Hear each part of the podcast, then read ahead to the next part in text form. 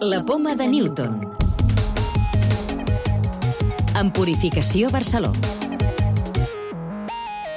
Un projecte pioner del CSIC pretén evitar que el nou coronavirus pugui fer resistències a futurs fàrmacs contra la infecció.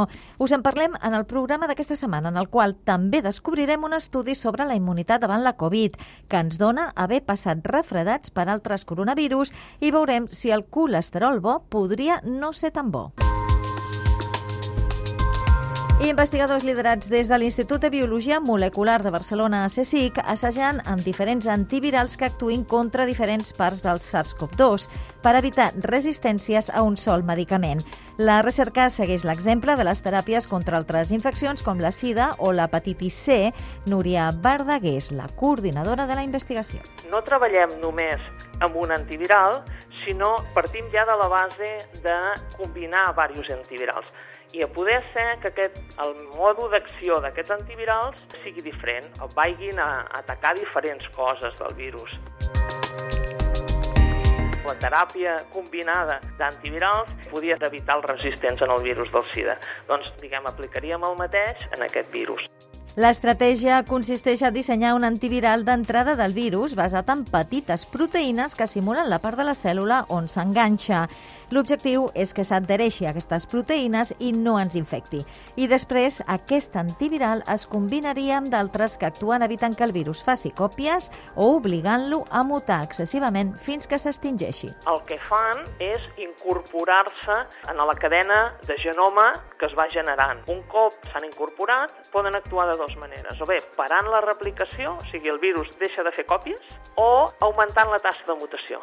Aprofitar la capacitat que tenen aquests virus de mutar molt, de forma que arribis a que la informació que genera ja no sigui viable. Aquests fàrmacs que fan que el virus muti en excés ja serien capaços d'acabar amb la infecció, però la teràpia combinada asseguraria una eficàcia més gran contra la malaltia.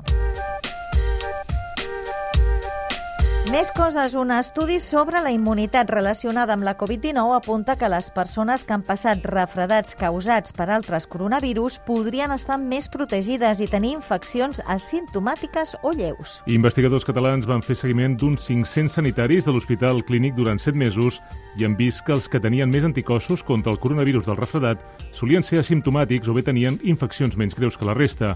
Gemma Monconill és investigadora d'IS Global de la Caixa, centre que ha liderat l'estudi. Veiem que els anticossos contra aquests coronavirus de l'encostipat reconeixen proteïnes del SARS-CoV-2 i el que veiem nosaltres que segurament d'haver estat infectat prèviament amb coronavirus del l'encostipat podria protegir les persones una vegada s'infecten amb SARS-CoV-2. Tenir alt el colesterol bo pot no ser tan saludable com es pensava fins ara. Investigadors liderats per l'Institut Hospital del Mar d'Investigacions Mèdiques han descobert que l'efecte beneficiós només es dona si aquest colesterol s'agrupa en partícules petites.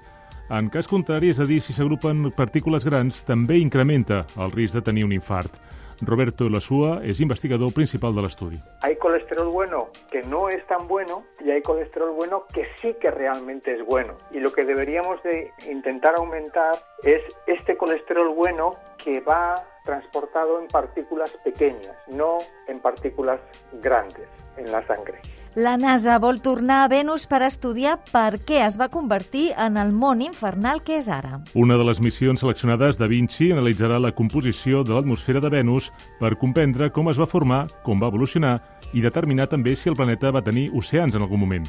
L'altra missió, Veritas, pretén cartografiar la superfície del planeta per avaluar la seva història geològica i entendre per què es va desenvolupar de manera tan diferent de la Terra. Llibres de ciència. La recomanació d'aquesta setmana és un llibre que barreja literatura i ciència per descobrir-nos els secrets de la feina d'un expert forense. Causa de la muerte ofereix un resum d'alguns dels casos més coneguts del prestigiós forense anglès Richard Sheffer, amb un estil que manté el pols narratiu de les històries que s'explica, barrejat amb dosis d'humor, l'autor revela des de la rutina del seu dia a dia fins als misteris d'alguns dels seus casos més interessants. Descobrirem, per exemple, les dades forenses sobre morts sobtades de nadons que van atribuir-se falsament a les seves mares, també els atentats de l'11S, de la mort de Lady Di o de morts causades per assassins en sèrie o bé per grans massacres naturals. En definitiva, un llibre que barreja la ciència amb un estil que de vegades recorda la novel·la negra. La clau de volta. Com funcionen les vacunes d'ARN com les de Pfizer o Moderna? Esther Gea Mallorquí, investigadora en immunologia viral de la Universitat d'Oxford. L'RNA, quan entra a la cèl·lula, es queda en el citoplasma de la cèl·lula, és a dir, no, no entra en el nucli, no, no està en contacte mai amb el nostre material genètic, i nosaltres tenim molts RNA propis que es tradueixen després a proteïnes, no? Doncs aquest seria un RNA més que entraria a la cèl·lula, es traduiria a una proteïna, que seria en aquest cas la proteïna de Spike, i un cop es tradueix, doncs es degrada. Recordeu que podeu descarregar-vos el podcast de la Poma de Newton o subscriure-us al programa per rebre'l directament als vostres dispositius.